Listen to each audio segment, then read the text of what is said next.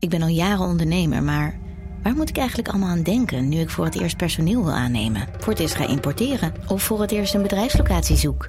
Weet wat je wel of niet moet doen bij zaken die je voor het eerst oppakt. Check kvk.nl voor praktische stappenplannen. KVK, hou vast voor ondernemers. Met Wouter. Hey Wouter. Hallo. Hey. Hallo. Mar- Mark? Ja, hoi. Hey, hoi. Hey Mark. Hoi, Wouter. Horen jullie elkaar ook dus? Ja. Ja. Oké, ik stel voor dat we gewoon meteen beginnen.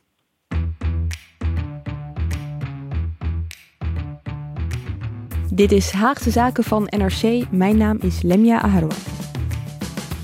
Het was niet het nieuws dat velen wilden horen, maar misschien toch wel het nieuws dat velen ergens wel konden verwachten. Grote zucht slaakte Mark Rutte tijdens de persconferentie van 21 april toen hij het nieuws bracht. Deze coronacrisis is een van de grootste, meest ingrijpende en meest. Zijn boodschap was: Ik had het ook liever anders gehad, maar voorlopig zitten we nog wel even in een intelligente lockdown. En dat komt omdat Nederland nog niet voldoet aan vijf voorwaarden. Als we daaraan voldoen, kunnen de maatregelen verder versoepeld worden. In deze Haagse zaken nemen we die vijf voorwaarden door.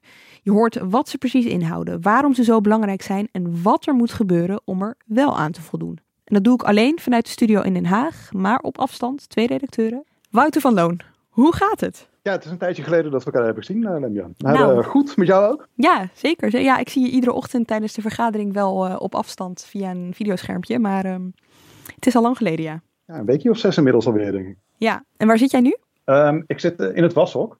Ehm, Ben- normaal gesproken zit ik in mijn woonkamer. Ik ben eh, voor de podcast verplaatst naar de eh, meest eh, geluidvaste omgeving van, eh, van het huis. Dank voor dit offer. Ehm, ook aan eh, de lijn, Mark Liefse Adriaanse. Mark, wij zagen elkaar gisteren voor, voor het eerst in tijden weer eh, in het echt, hè? Jij hebt dit aangedurfd. Ja, het was een heel heugelijk moment om weer een aantal collega's live te zien. Hopelijk was dat wederzijds, maar ik hoor niks, dus... Ja, laten we maar beginnen. nee hoor, het was hartstikke fijn om je te zien. Oké, hey, ehm, we gaan het dus hebben over de voorwaarden die we nu al wekenlang horen, die nodig zijn om de maatregelen te kunnen versoepelen. En die voorwaarden, dat is een advies van het OMT. Inmiddels kent iedereen dat begrip, het Outbreak Management Team. Wouter, eerst maar eens even in het kort, wat zijn die voorwaarden? Ja, het zijn er vijf. Ehm, die zijn inderdaad vastgesteld door het OMT. En de eerste is dat de epidemie langzaam moet uitdoven. Ehm, verder moet het eh, eh, zorgsysteem dat mag niet meer overbelast worden. Mhm. Eh, er moet voldoende getest worden. Zieke mensen moeten op tijd eh, opgespoord worden en daar moet dan contactonderzoek gedaan worden. En ehm, de maatregelen die afgebouwd worden, die moeten goed gemonitord kunnen worden. Mhm. Zodat er niet plotseling toch nog een piek ontstaat in het aantal ziekenhuisopnames bijvoorbeeld. We gaan ze één voor één door. ehm, en ik zou even willen beginnen met ehm, het besmettingsgetal. Dat moet geruime tijd tussen aanhalingstekens te- tekens onder de 1 zijn. En dat wordt Wouter ook wel het reproductiegetal genoemd. Hoe zit dat precies? Ja, nou, dit is eigenlijk de belangrijkste voorwaarde. Die, die andere vier eh, voorwaarden die zijn hier allemaal, die staan hier direct mee in verband. Mhm. En eh, om je voor te stellen waarom dat zo belangrijk is, moet je eigenlijk wat meer weten over hoe zo'n epidemie zich eigenlijk ontwikkelt. Eh, want wij zijn allemaal gewend aan lineaire groei. Dat kunnen we ons allemaal heel goed voorstellen. Ehm, dus er komt eh, eh, elke dag bijvoorbeeld komt dezelfde eenheid er steeds bij. En dat is een rechte lijn, die kun je netjes doortrekken. En dat blijft altijd hetzelfde. Een voorspelbare groei. epidemie. Precies, ja. Dat kun je, eh, als je van één dag weet hoe hard het groeit, dan weet je voor de volgende dag ook hoe hard iets groeit. Maar zo'n epidemie, die groeit per definitie exponentieel. En dat vinden we ons veel moeilijker om voor te stellen. En daardoor gebeuren er op het oog soms ook onverwachte dingen. Ehm, en om, om uit te leggen hoe dat exponentiële, die exponentiële groei precies werkt en waarom we het zo lastig vinden om ons voor te stellen, ehm, is het misschien goed om even de legende van de koning en het schaakspel eh, te vertellen. Ja, kom maar op. Ehm, ken je hem of niet? nee, nee. Nee. Ehm, nou, da- daarvoor moeten we een paar honderd jaar terug de geschiedenis in. Toen het schaakspel werd uitgevonden. En de koning die dat schaakspel cadeau kreeg, die was zo enthousiast over, over schaken dat hij ehm, eh, tegen de uitvinder zei: eh, Je mag maar alles vragen, eh, zeg maar wat je als beloning wil. die koning die verwachtte natuurlijk dat die uitvinder zei van nou geef me mijn gewicht in goud of een mooi paleis op de mooiste berg van het koninkrijk. Um, maar die uitvinder die had iets anders bedacht. Die wilde een graankorrel op het eerste vakje van het schaakbord. En op het tweede vakje van het schaakbord wilde hij een tweede graankorrel, of twee graankorrels. Uh, op het derde vakje vier graankorrels. En dat moet zich zo steeds verdubbelen tot het laatste vakje van het schaakbord. Dat zijn dus het 64ste vakje.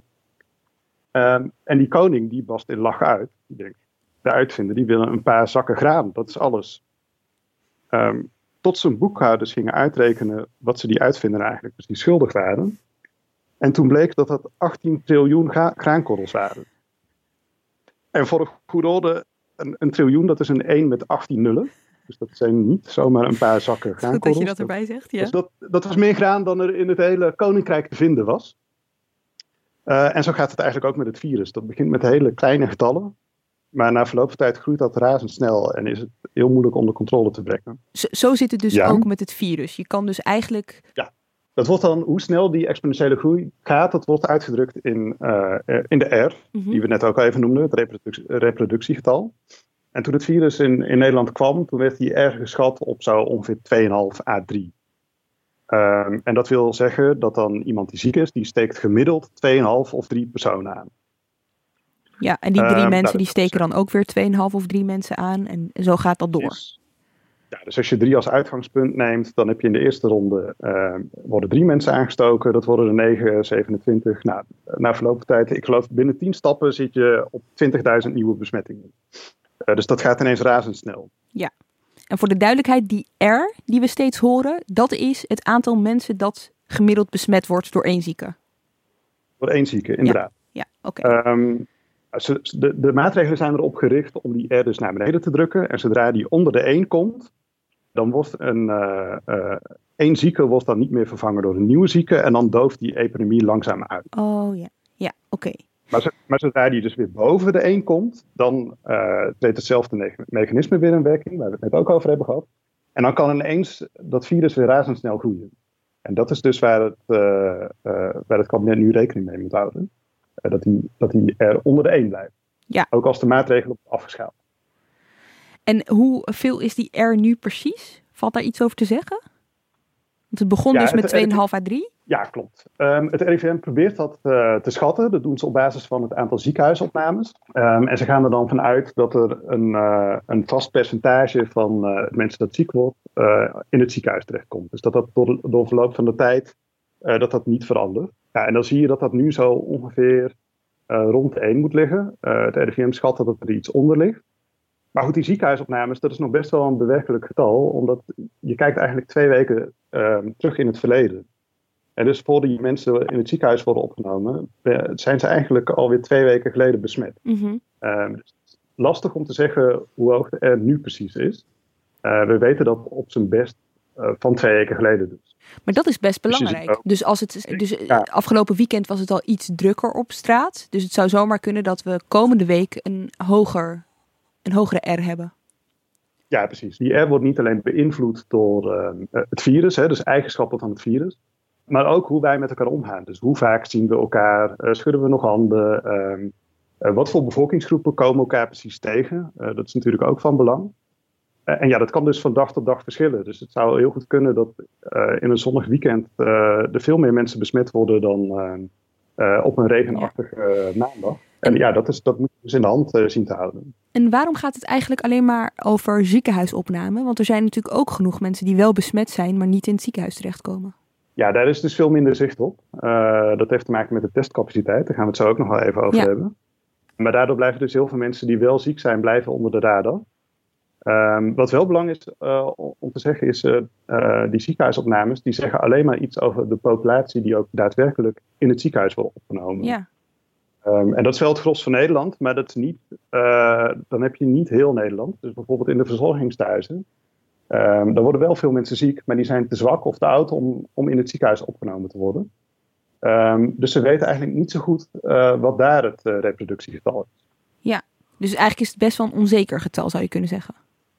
Het is een onzeker getal, ja. De, het RIVM probeert daar wel wat meer grip op te krijgen door bijvoorbeeld te kijken hoeveel meldingen krijgen we bij huisartsen binnen van mensen met klachten? Of, ehm, ze hebben zelf dan ook een soort portaal geopend waarop je je klachten in kunt vullen. op die manier proberen ze wel wat, wat meer grip te krijgen over hoe, het, hoe, de, de hoe zeg je dat, wat meer recent het virus zich ontwikkelt. Mhm. Uh, maar ja, dat is, heel, dat is heel lastig. Nog, nog even één ding hierover. Want um, bij die voorwaarden hoort dat het geruime tijd onder de 1 moet zitten, die reproductie, uh, dat reproductiegetal.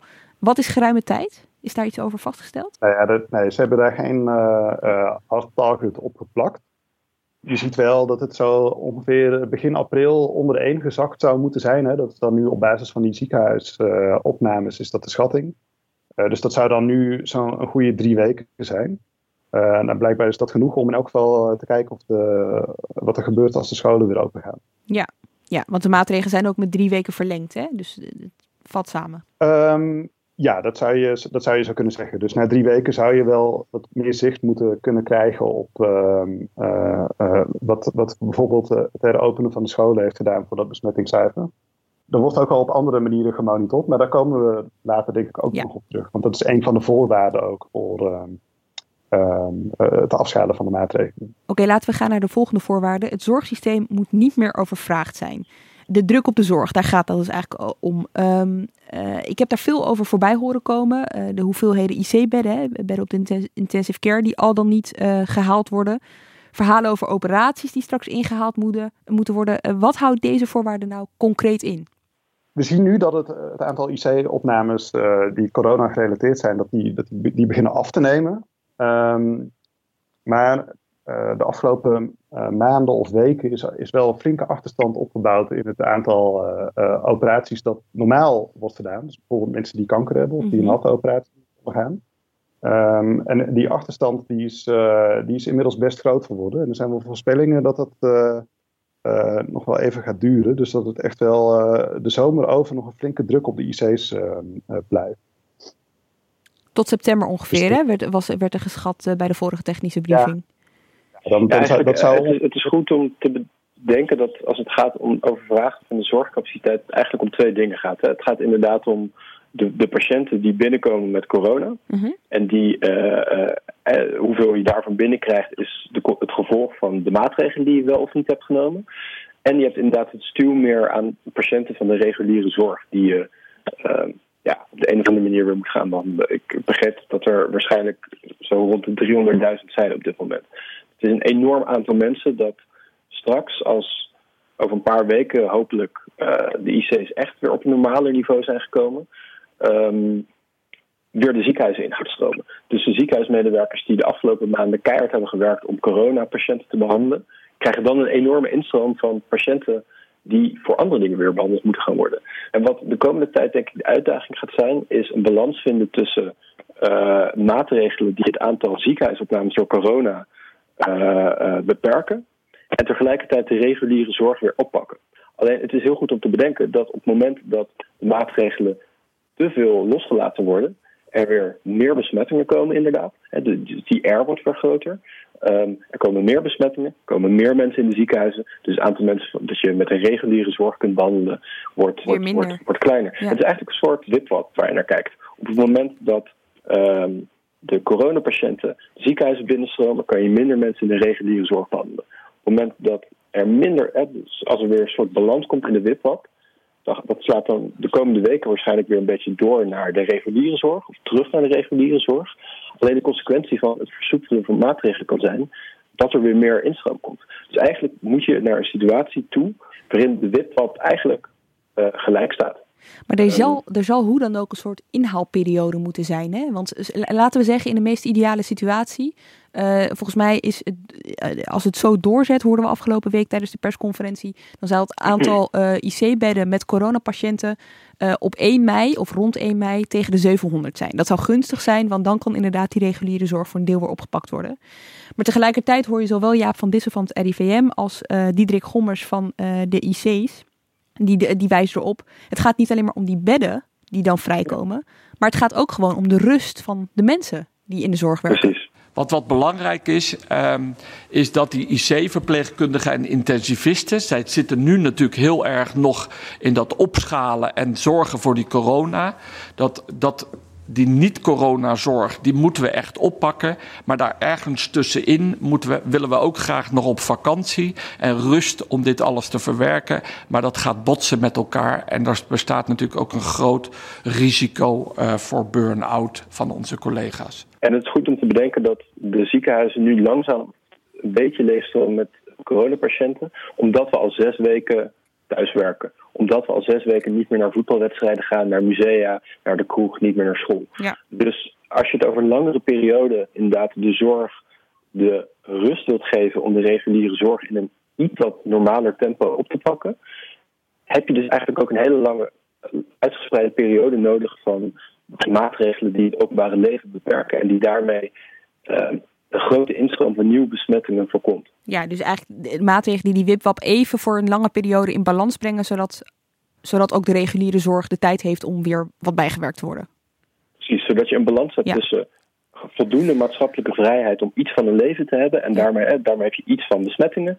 Die kunnen dan zorg krijgen in het ziekenhuis, op een speciale coronaafdeling. En je kan tegelijkertijd de kankerpatiënten behandelen. Je kunt mensen opereren aan hun hart ik, ik noemde net wel dat getal van, uh, van 700, hè, dat daar dus op gerekend wordt zo rond mei als nou ja, het doorzet zoals dat nu gaat, uh, die, die expo exponentiële groei. Um, maar, maar toch vraag ik me af, um, valt er een cijfer te noemen van aantal bedden dat minimaal um, ja, valt hier een cijfer op te plakken voordat we aan die voorwaarden voldoen? Ik denk dat het heel moeilijk is, omdat je um, ook rekening moet houden dat de afgelopen weken waren, was voor het IC-personeel ook echt een uitzonderlijke situatie, waarin er veel meer, meer mensen doodgingen dan ze gewend zijn. Uh, waarin uitzonderlijk veel diensten werden gedraaid. En er is nu ook best wel angst voor uh, burn-outs onder ja. die mensen. Dus als dit echt nog lang doorgaat, dan krijg je ook gewoon een personeelstekort. En dat was er eigenlijk al dus ik denk dat er heel moeilijke cijfer op te plakken valt, omdat je ook niet weet hoe, die, hoe dat personeelstekort zich verder gaat ontwikkelen de komende weken. Dus kan ik het samenvatten als in we uh, voldoen nog niet aan deze voorwaarden? Dat kunnen we wel stellen, denk ik. Uh, nee, dat gaat waarschijnlijk ook nog wel een tijdje duren. Precies. Oké. Derde voorwaarde. En dat is voldoende testcapaciteit. Toen het virus net in Nederland was, toen hoorden we dat er uh, meer dan genoeg testcapaciteit aanwezig zou zijn. Ik citeer even de website van de RIVM eind januari. Beginquote, het Erasmus MC en het RIVM kunnen tientallen monsters per dag testen. Mocht het noodzakelijk zijn, dan kan het aantal laboratoria worden uitgebreid en zouden we zelfs honderden monsters per dag kunnen testen. Unquote. En daarna was er een enorm tekort. Mark, hoe zit dit nou?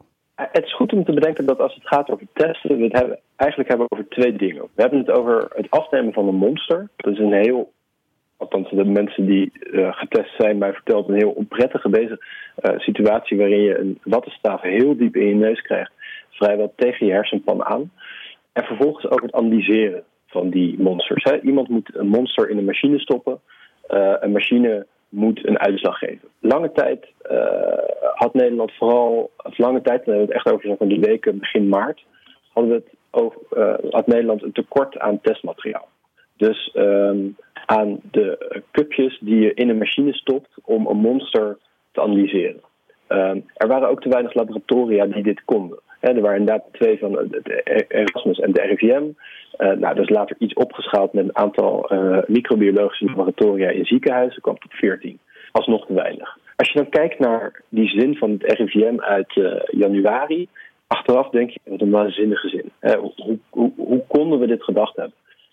Alleen het is goed om te bedenken dat Nederland normaal gesproken een van de best functionerende uh, infectieziektebestrijdingen ter wereld heeft.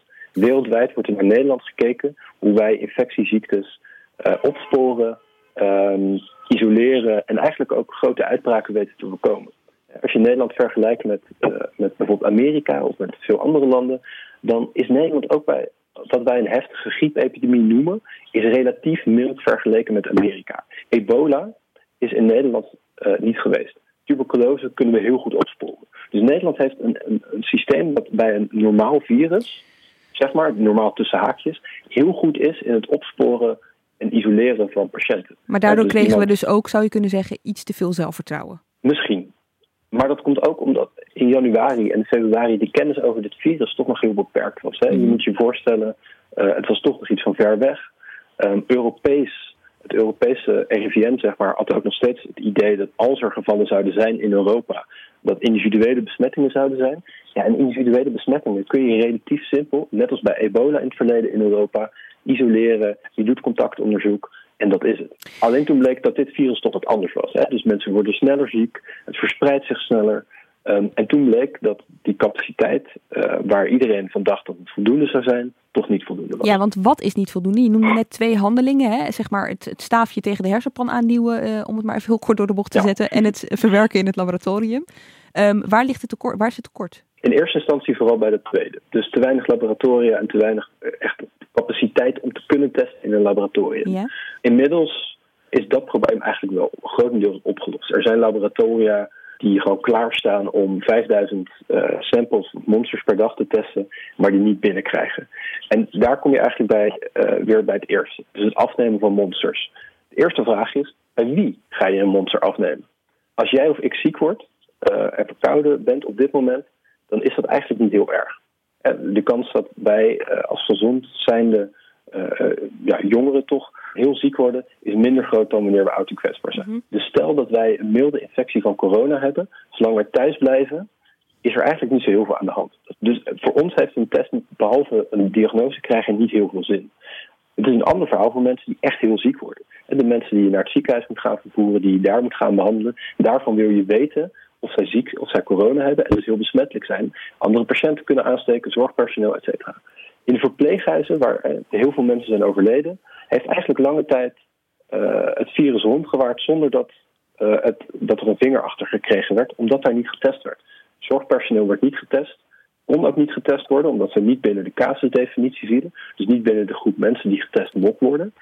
Um, en inmiddels wordt dat iets uitgebreid, zodat ook uitbraken van het virus in verpleeghuizen achterhaald kunnen worden, dat je daar mensen kunt gaan isoleren. Maar dat, dan hebben we het echt over de periode nu. En waar ook de schaarste op dit moment in zit, is in uh, het afnemen van de monsters. Dat is dus iets wat normaal gesproken bij andere virussen en eigenlijk ook nog bij dit virus door de GGD gebeurt. Maar de GGD moet je je voorstellen, het verdeelt over 25 regio's. Dat is geen superorganisatie waar een onuitputtelijke hoeveelheid van mensen werkt. Het zijn toch vaak relatief kleine organisaties, met niet heel veel virologen bijvoorbeeld. Mm -hmm. um, en die kunnen dit eigenlijk nog niet aan. Die hebben veel meer mensen nodig om te gaan afmonsteren. Dan denk ik bij mezelf, dus dan gaat het niet om het, het, het laboratoriumdeel, zeg maar, maar gewoon over het, nou ja, om, om maar even in die woorden te blijven, het, het, zo'n zo'n swapstaafje ja. in je neus te stoppen. Hè? Moet je daarvoor echt medisch getraind zijn? Ja en nee. Ik denk, ja, het is niet iets dat jij en ik zomaar kunnen. Ik heb op dit moment een instructie voor me van uh, de afname van zo'n monster. Je hebt er wel enige medische kennis voor nodig. Maar het is ook weer geen chirurgie. Dus wat je ziet is dat uh, ook huisartsen dit uh, steeds vaker doen. Uh, er zijn GGD's waar ze geneeskundestudenten aan het inhuren zijn om dit, om dit werk te doen. Um, dus het is niet iets dat per definitie door GGD-medewerkers gedaan moet worden. Het is wel zo dat er een soort mentaal monopolie zit op het afmonsteren door medisch personeel. Dat is logisch, hè, want het is iets wat zij normaal gesproken doen. Um, maar je kan gaan denken aan een situatie waarin je mensen wel opleidt om dit afmonsteren te gaan doen. Zeker wanneer we straks in de fase zitten waarin uh, de, maatschap, de, de, de, maatschappelijke beperkingen waarschijnlijk iets opgeheven gaan worden. En er ingezet gaat worden op het snel opsporen uh, en isoleren van patiënten. Ja, dat kan alleen als je heel grootschalig kunt testen. En om dat te kunnen, heb je dus mensen nodig die kunnen afmonsteren.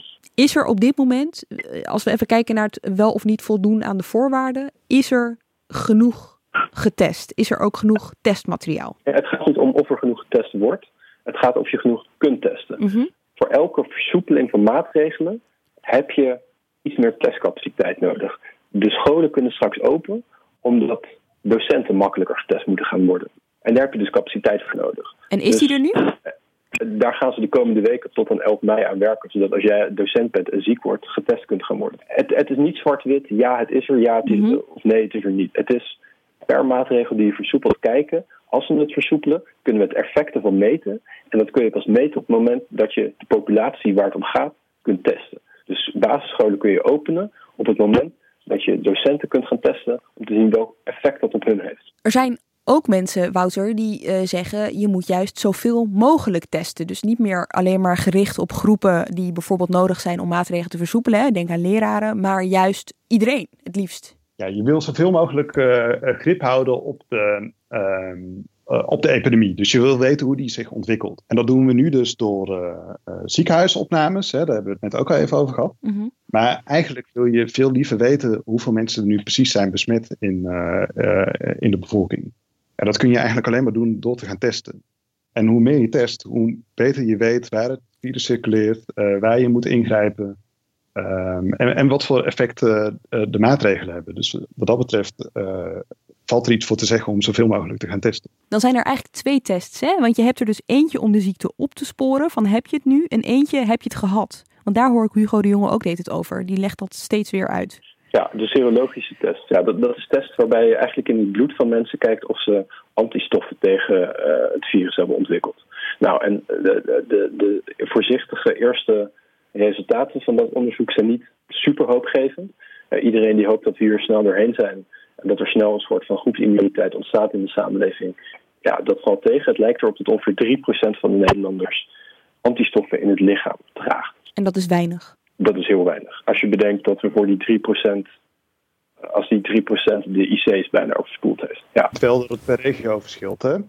Dus uh, over het hele land is het 3%. Uh, in de regio's waar het uh, virus het, het hardst heeft rondgewoed, dus laten we Oost-Brabant nemen, daar is het tegen de 10%. Dus daar is het wat hoger. dat is nog, nog veel te weinig voor groepsimmuniteit, maar daar gaat het wel wat harder. Hoe komt dat? Um, omdat daar het, uh, het virus uh, harder heeft rondgewoeld. Dus uh, als je het landelijke beeld pakt, dan pak je ook Groningen mee, waar het bijna niet is geweest. Oh ja. Dus daar, ja, daar is automatisch ook, um, worden automatisch minder antistoffen aangetroffen in het bloed. Vierde voorwaarde. en dan hebben we het over bron- en contactopsporing. want even voor duidelijkheid, Wouter, dat is niet hetzelfde als de testcapaciteit. Nee, dat heeft wel met elkaar te maken. Maar wat uh, bron- en contactonderzoek eigenlijk wil zeggen, is dat je zo snel mogelijk iemand die ziek is wil opsporen, zodat je die persoon kan isoleren en die geen andere personen meer kan besmetten. Um, en dan wordt er ook altijd een soort netwerkonderzoekje gedaan. Dus dan uh, wordt er gekeken met wie is die persoon in contact geweest en heeft die personen met wie die in contact is geweest ook besmet. Ja. Um, en dat, dat kan nu eigenlijk niet gebeuren omdat de, de epidemie is te groot. Dus er zijn te veel besmette mensen. Um, dus ja, er is gewoon te weinig capaciteit bij de, bij de GGD. Maar tegelijkertijd is deze voorwaarde wel gewoon heel belangrijk om een beeld te krijgen van hoe de ziekte zich verspreidt door Nederland. Dus wordt er gedacht aan een app. En ik moet eerlijk zeggen, het is voor mij nog niet helemaal duidelijk wat er nou precies de bedoeling is van die app. Even luisteren naar uh, hoe minister van Volksgezondheid Hugo de Jonge het aankondigde. We denken daarbij aan twee mogelijke apps. Eén die je vertelt of je in de buurt bent geweest van een andere gebruiker die besmet blijkt te zijn. Je krijgt dan het advies om binnen te blijven. En je krijgt het verzoek om een tweede app te gebruiken waarmee je makkelijk contact kunt houden met een dokter in de buurt. Het is testen, het is traceren en vervolgens van huis uit rapporteren. Dit was dus tijdens de wekelijkse persconferentie uh, die we tegenwoordig hebben na de MCCB. 7 april was dit. En je kan je voorstellen, kwamen een heleboel vragen over die app binnen. En Hugo de Jonge, ik weet, ik heb het vaak gezegd hier in Haagse Zaken ook de laatste tijd. Hij is af en toe wat lang van stof. Merkte ook onze producer Iris Verhulstonk toen ze uh, een soort van coherent antwoord probeerde uh, te creëren uh, uit zijn woorden. Dus ze heeft het iets anders gedaan dan normaal. Nee, nee dat het hoeft niet via, de, via een database als u dat bedoelt. Het hoeft niet nee. via een database, kan ook via Bluetooth. Uh, je, advies van het OMT is als je straks als voorwaarde, als voorwaarde om iets te versoepelen, als voorwaarde om iets. En als je dat wilt, zul je dat alleen wel op een technische vormgeving, met een technische vormgeving moeten doen. Daar gaan die apps over. En gaat u bij zichzelf maar na. Zou je het willen weten? Maar we moeten het ook, ja, als we uh, weer op een slimme manier van het slot willen gaan, ja, dan zullen we dat ook op een echt slimme manier moeten doen. En dus ons willen laten ondersteunen door juist die technische mogelijkheden. Oké, okay, dit ging zo even door. Niemand werd er echt heel veel wijzer van. We gaan toch proberen er iets wijzer van te worden. En daarvoor heb ik een hulplijn ingeschakeld. Rick Wassens, uh, techjournalist bij NRC. Rick, ben je erbij? Hoi. Hi Marlemia, hi. Hey, hey. Rick, we hebben je nodig. Um, want we snappen het gewoon niet meer uh, helemaal. Laat ik beginnen met de vraag: wat is het idee achter een app als ehm, middel voor broncontactonderzoek.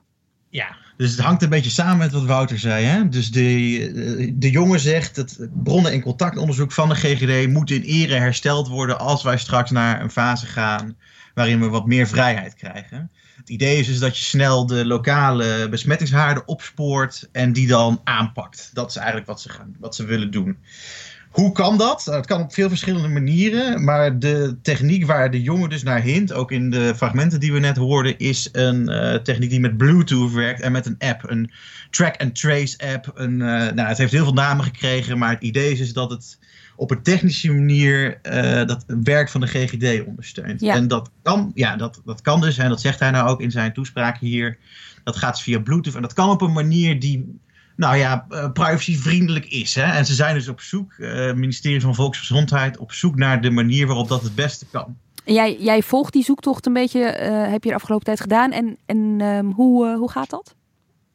Uh, nou, vorig weekend had je een, uh, app, een appathon op het ministerie van Volksgezondheid. En dat, ja, dat is, was, een, uh, was een weekend waarin zeven voorstellen uiteindelijk geprobeerd werden om te verbeteren. En dat had zondagavond eigenlijk als conclusie ja, dat, dat, het goede voorstel is er niet. En maandagochtend, is... en maandagochtend schreef jij een stuk in de krant en daarvan was de kop ministerie kleunt mis met Appeton. Ja, ja de, de, verwachtingen, je hoort het hier. Hè? Ik heb de jongen toen gesproken tijdens dat weekend. Uh, dit wordt gezien door Rutte en door de jongen en door het OMT. Hè? Als, als een manier dat, dat ons kan helpen om uit die lockdown te komen. Ik hoorde een ambtenaar van het ministerie van Volksgezondheid tijdens die Appeton zeggen: van een intelligente lockdown naar een selectieve lockdown. Dus dit is een soort van uh, hartstikke belangrijk ding. En een hartstikke belangrijk gereedschap waar we straks beschikking over moeten hebben om, uh, om daaruit te komen. Ja, en eigenlijk is dus de conclusie naar een weekend hard werken uh, en, een en, en een selectieproces wat met nog geen zeven dagen eerder met 750 voorstellen begon. In een no time, uh, zeven geselecteerd. Allemaal experts geconsulteerd die uh, ook nog halverwege afvielen. Die al zoiets hadden van nou, dit voorstel wat ik afgeserveerd had op het gebied van privacy, op het gebied van informatieveiligheid, zie ik nu terug in die shortlist. Aha. Dus heel veel, uh, ja, de, op, dat, ja op dat, dat, die selectie zelf ging gewoon niet zo goed. En met, aan het eind van de rit stonden ze met lege handen. Um, ja, dus, dus vandaar dat, dat stuk inderdaad. Dus ja. was het probleem ook echt de snelheid of was het de opdracht? Um, ik denk. Nou, het, de, de Koninklijke Instituut van Ingenieurs die hebben dus gezegd dat het te vroeg was. En volgens mij is dat de meest. Uh, is, dat, is dat heel fair. Um, want aan deze techniek zitten gewoon onwijs veel vragen. Uh, we hebben, ik snap het de noodzaak ook wel. Hè? We hebben niet eerder een pandemie in het land gehad met uh, dat we allemaal rondliepen met een of andere batterij aan sensoren in onze broekzak. Dus, dus, dus dat die behoefte er is om daar iets mee te doen, dat snap ik wel. Maar eh, tegelijkertijd is er nog zoveel onduidelijk over hoe dat zou moeten werken. Hè? Je, krijgt het amper uitgelegd hoe het zou moeten werken. En het, gaat ook nog, uh, het is ook nog vrij ingewikkeld. Het idee is dus dat je met zo'n Bluetooth-signaal, door dat te meten, dus eigenlijk een soort van inschatting geeft of iemand in de buurt is geweest bij, bij een persoon die later positief op COVID-19 getest wordt. Ja, kan je voorstellen dat het onwijs veel valse positieven op zich, uh, met zich mee kan brengen. Hè? Dus je bent in de buurt geweest van iemand, uh, maar je hebt misschien helemaal geen risico gehad op een besmetting. Dus daar zitten nog heel veel vragen om. Het is uh, eigenlijk nog onbewezen. Dus ja, het, blijft gewoon nog een beetje, blijft een beetje moeilijk. En je ziet ook dat de jongen dus deze week gezegd heeft, nou we nemen een passende plaats. Volgens mij stelde jij hem een vraag tijdens het, uh, nou ja Rutte stelde je een vraag tijdens de persconferentie. Uh, nemen ze een passende plaats en gaan ze nu over vier weken weer verder kijken hoe het moet. En in die tussenliggende periode gaan ze dus allemaal weer dingen uitpluizen om te kijken of het, hoe het beter kan. En wat nou uiteindelijk de vraag is. Wat is nou de behoefte? Hè? Dat ja, is, precies. Uh, want, want dat wilde ik vragen. Is de, opdra- is, de, is de vraag überhaupt duidelijk geformuleerd? Ik denk dat ze gewoon te snel zijn begonnen met, uh, met, met, toewerken, ja. met toewerken naar een app. Ja, ja als het doel is, uh, zoals de jongen nu ook ophamert, hè, het, het, ondersteunen van dat proces van de GGD met slimme digitale oplossingen. Dan als je dan een app eruit pakt die op Bluetooth werkt, onbewezen techniek, dan pak je het ingewikkeldste gereedschap eruit. Uh, en je zou, er zijn ook mensen die zeggen van ah, je kan het veel makkelijker. Hè? Veel Kamerleden verwijzen bijvoorbeeld naar wat die premier in Nieuw-Zeeland nou heeft afgegeven, op afgesproken, hè, Jacinda Ardern. Hou een boekje bij je, uh, hou, een, hou een dagboek bij waar je opschrijft met wie je contact hebt. Als je dan benaderd wordt voor zo'n contact- en traceeronderzoek, dan lepel je gewoon dat, uh, dat boekje op. Ja, dus dat, dat zou ook nog kunnen. Dat Maar dan is dan wat minder invasief. Dan ja. doe je het dus gewoon volledig niet digitaal.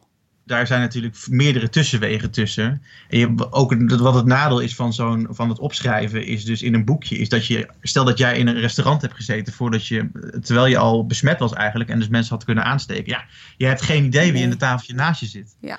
Dus, dus er is nog een gulden, te- een gulden middenweg ergens hier. Dit, dit maakt het dus ook zo ingewikkeld. Hè? Dus de GGD's die hebben niet genoeg capaciteit om al die contactonderzoeken te doen. Dus die hebben een hulpmiddel nodig. Alleen aan de ene kant wil je dat dat hulpmiddel echt dat dat vrij compleet is. Dus dat zou dan de Bluetooth-oplossing zijn. Alleen als je daar heel veel vals positieven krijgt, zoals Rick net al zei. Al die mensen moeten ook uitgezocht worden. Hoe lang zijn die in contact geweest? Zijn die misschien wel of niet besmet? Eh, dus dat levert ook heel veel extra werk op.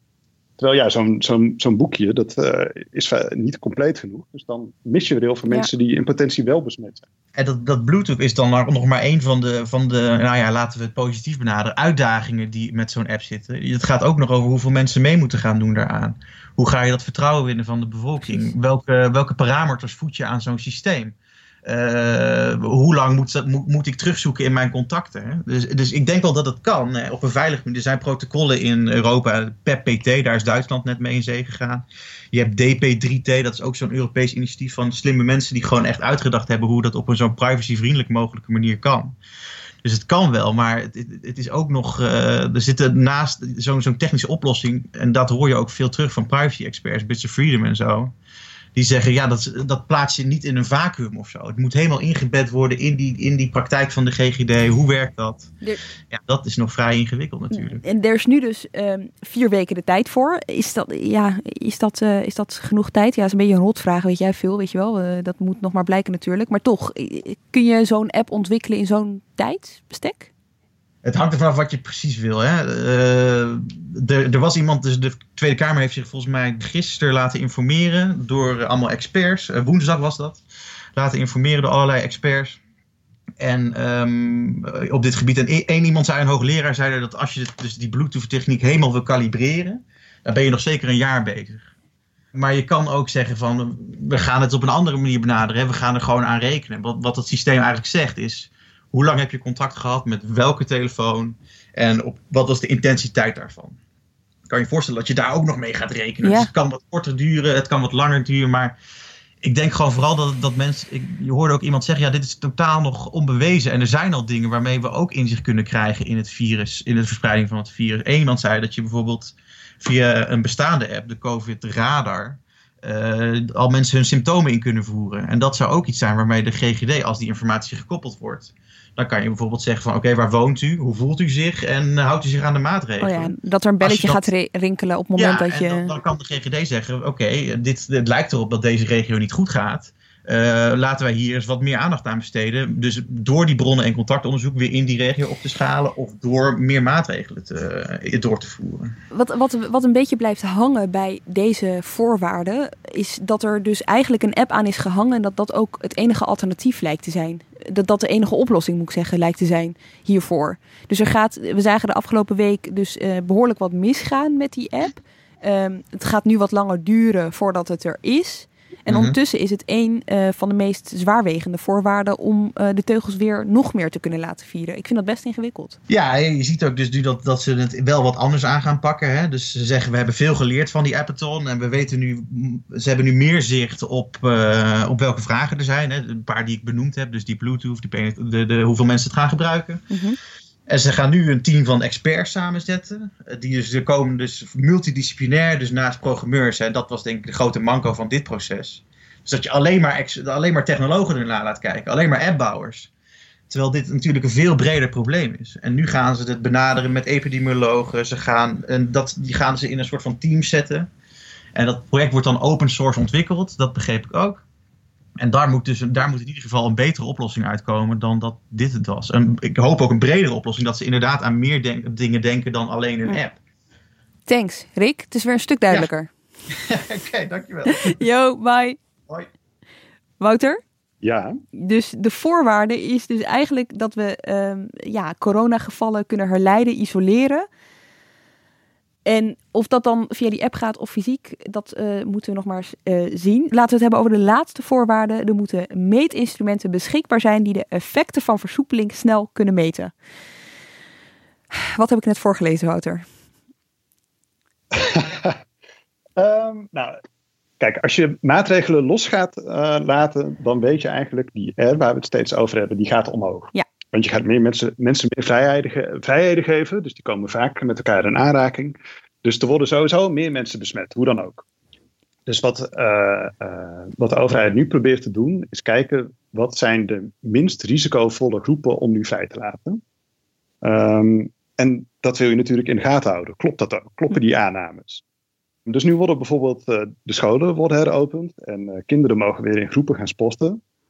Dan is de aanname dat dat vrij weinig effect heeft, omdat kinderen niet zo ziek worden en volwassenen niet zo snel besmetten. maar je wil natuurlijk weten of dat, dat, of dat, dat zo is. Uh, dus er is een programma opgezet dat kinderen volgt. Uh, dat is al gebeurd voordat uh, die kinderen naar school gaan. Nu gaan ze naar school en dan kun je kijken, is hier verandering?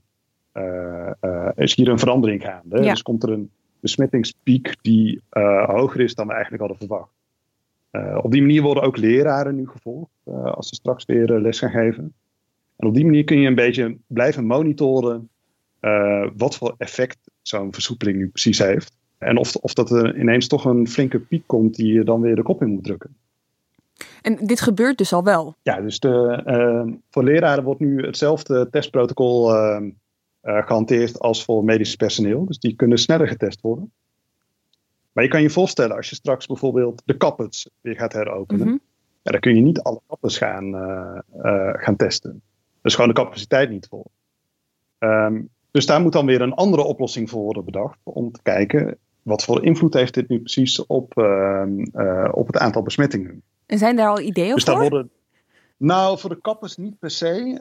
Um, er, wordt wel, er wordt wel ook op andere manieren gemonitord hoe dat uh, virus zich nu precies ontwikkelt. Dus er wordt ook gekeken naar hoeveel mensen hebben klachten, hoeveel mensen melden zich bij een huisarts. er wordt ook gekeken hoe goed mensen zich nog aan de richtlijn houden. Door bijvoorbeeld te kijken naar hoeveel mensen gaan er precies de weg op. En op die, die manier proberen ze toch een beetje vinger aan de pols te houden om te kijken wat voor effect heeft het nu precies als we een bepaalde maatregel uh, los gaan laten. Dus als ik dan zou vragen, wordt aan deze voorwaarden al genoeg voldaan? Um, nou, dat, dat verschilt dus per maatregel. Uh, ik denk dat het heel ingewikkeld wordt als we morgen zeggen we gaan met z'n allen weer gewoon naar ons werk. Mm -hmm. um, dat, dat, dat is heel moeilijk te monitoren. Um, maar nu zo'n beperkte maatregel als uh, de scholen gaan weer open, dat, dat wordt zo goed in de gaten gehouden. Hey, we hebben het nu gehad over de voorwaarden die het OMT heeft gegeven, um, zodat versoepeling mogelijk is. Hè, daar moeten we aan mm-hmm. voldoen. Er is ook de roep, steeds luider vanuit politiek en maatschappij, om uh, breder advies in te winnen naast het ja. OMT. En um, ik heb het nog even teruggezocht. het was in de Kamer in ieder geval Wiebren van Haga die er als eerst voor pleiten om dat advies wat breder te trekken. Dat was in het debat van 16 april. Horeca open, scholen open, concertgebouwen open en waar nodig met aanpassingen. Is de minister-president het met me eens dat de schade voor het bedrijfsleven en de culturele sector inmiddels zo groot is dat iets zwaarder moet worden meegewogen? En moeten we niet inmiddels economen, juristen en ingenieurs toevoegen aan het crisisteam om het perspectief te verruimen? En toen was Rutte er nog niet heel enthousiast over. De vraag of er ruimte komt is natuurlijk een politiek besluit, maar dat doe je op basis van het wetenschappelijk advies.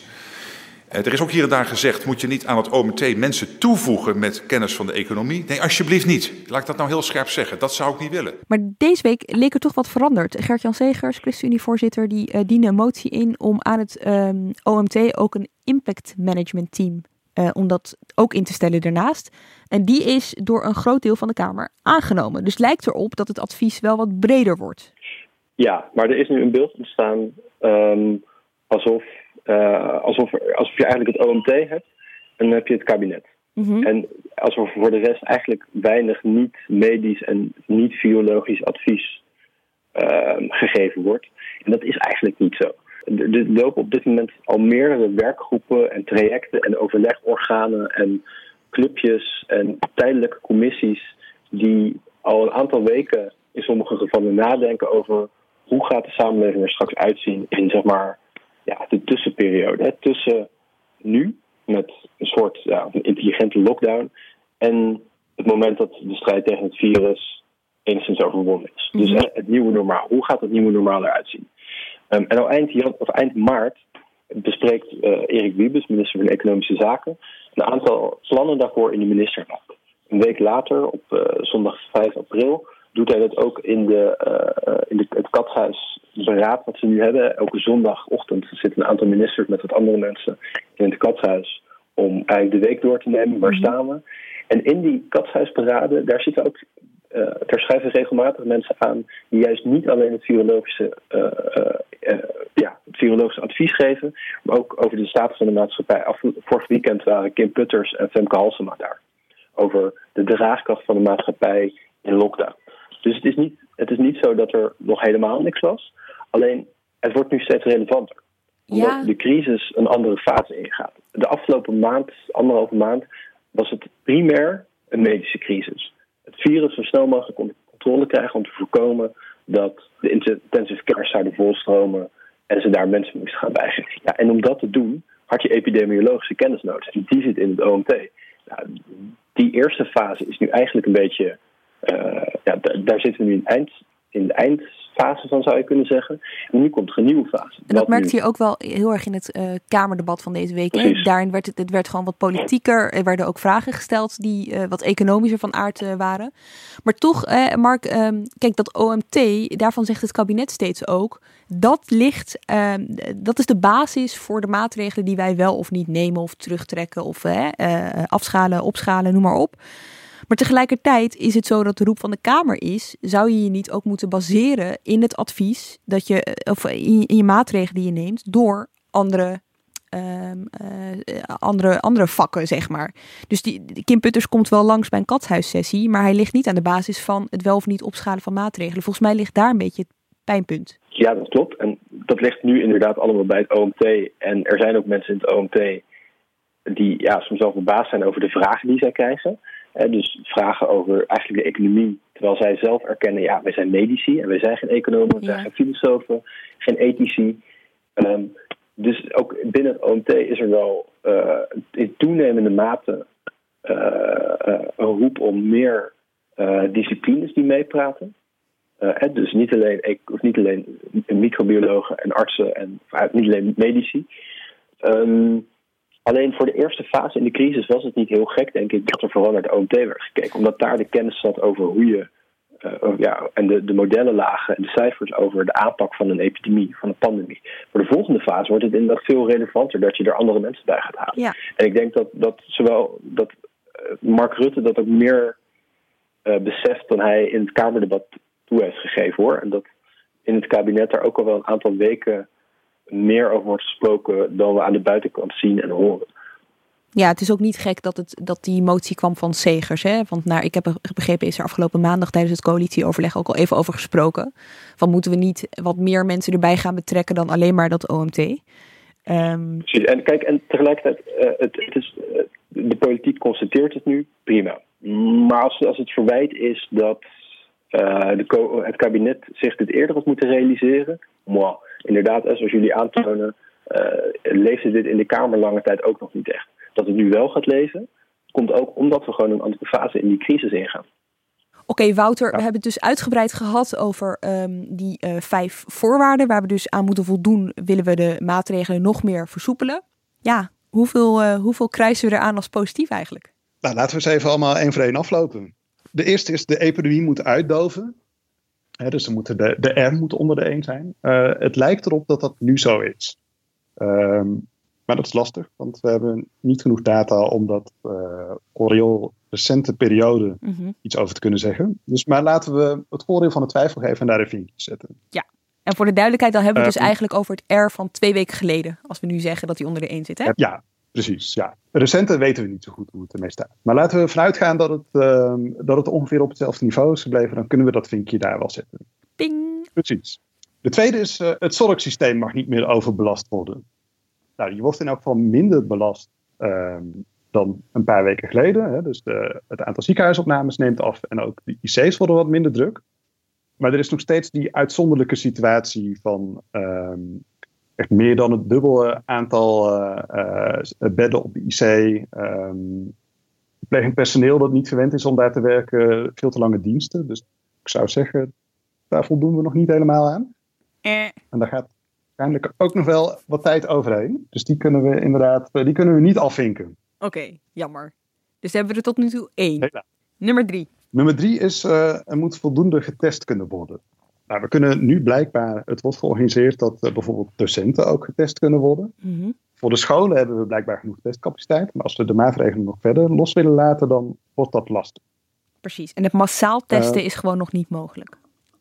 Dat is nog niet mogelijk, inderdaad. Dus wat, wat is jouw oordeel? Zullen we hier een half vinkje zetten? Ja, ik kan er geen geluidje bij maken, maar laten we dat doen. Dus dan zitten we op anderhalf. Precies. Um, de vierde is, uh, zieke mensen moeten op tijd ge uh, gevonden kunnen worden en er moet contactonderzoek gedaan kunnen worden. Nou, dat blijkt nog heel ingewikkeld, ook met alle technische mogelijkheden die, die nu worden geïnventariseerd. Uh, dus ik vrees dat ook daar geen vinkje kan. Oké. Okay. Ik ga dat geluid niet nog een keer um, maken, maar oké, okay. Ik zat op. Ja, ik hoorde het. okay. Helaas. dus dan zitten we nog steeds uh, op en nummer vijf is, ja, en nummer vijf is uh, uh, dat de maatregelen die worden afgebouwd, dat we goed kunnen, moeten kunnen monitoren wat daar precies gebeurt. Dus dat er geen, geen onverwachte piek ontstaat. En ook dat lijkt voor het heropenen van de scholen goed te zijn geregeld. maar het wordt heel lastig als daar wat algemenere maatregelen, zoals het openen van de horeca of weet je, maatregelen waar we met z'n allen mee te maken hebben, dat, dat wordt echt een stuk lastiger om dat uh, te organiseren. Ja, en ik moet zeggen, ik, ik, als ik hier uh, door uh, de, het winkelcentrum fiets van, van Den Haag, ik merk dat de dag na de persconferentie er een heleboel winkels ineens open zijn. Schoenenwinkels, um, de Intertoys of de Xenos, grote warenhuizen als Peek en Kloppenburg. Dat was eerder niet zo. En je ziet meteen dat zo'n winkelstraat ook meteen vol loopt. Dus dat lijkt me ook niet heel erg bevorderlijk. Dat, uh, nee, dat lijkt me ook niet. Nee. Dus uh, we zouden over twee weken moeten kunnen zien wat dat heeft gedaan. Oké. Okay. Ja, zou je dan kunnen zeggen dat je er al aan voldoet? Um, nee, dat zou ik zeggen van niet. Maar weet je, het, voor de maatregel die nu is afgebouwd, dus met die kinderen, daar, ja. daar voldoen we wel aan. Uh, uh, als er meer algemenere maatregelen worden uh, afgeschaald, dan, dan wordt dat moeilijk. Ja, precies. Of omdat winkeliers dus besluiten om hun deuren te openen. Want dit, zij, zij moesten niet sluiten, weet je wel. Zij hadden de vrijheid in principe om open te blijven. En daar beslissen ja. ze nu toe. Ook, ja. Dus dat zal die cijfers wel weer gaan Ook beïnvloeden. Dat ja. Ook dat speelt mee natuurlijk, ja. ja. Ik kijk mee op mijn papiertje. Dan kom ik uit op anderhalf van de vijf. Dit is niet erg uh, hoopgevend. Uh, nee, en toch zal op een gegeven moment uh, de samenleving toch weer een beetje open moeten. En we kunnen dit niet nog een jaar volhouden. Dus ja, wat dat betreft uh, zijn die vijf maatregelen misschien wel uh, ook een klein beetje een, schot in eigen voet. Dat je die nu stelt, maar dat je ondertussen er ook niet helemaal aan kunt, kunt voldoen, realistisch gezien. Dankjewel, Wouter van Loon. En dank ook aan jou, Mark Liefse Adriaanse. En aan jou als luisteraar. Ik blijf bedanken. Um, volgende week zijn we er even een weekje niet. Even opladen, even bijkomen. Maar als je kijkt op je podcastfeed, dan zul je wel iets vinden. Dus uh, dit lijkt me een goede reden om je te abonneren. Redactie en productie van deze aflevering waren in handen van Iris Verhulstonk. Over twee weken een nieuwe aflevering van Haagse Zaken in de feed. Tot dan.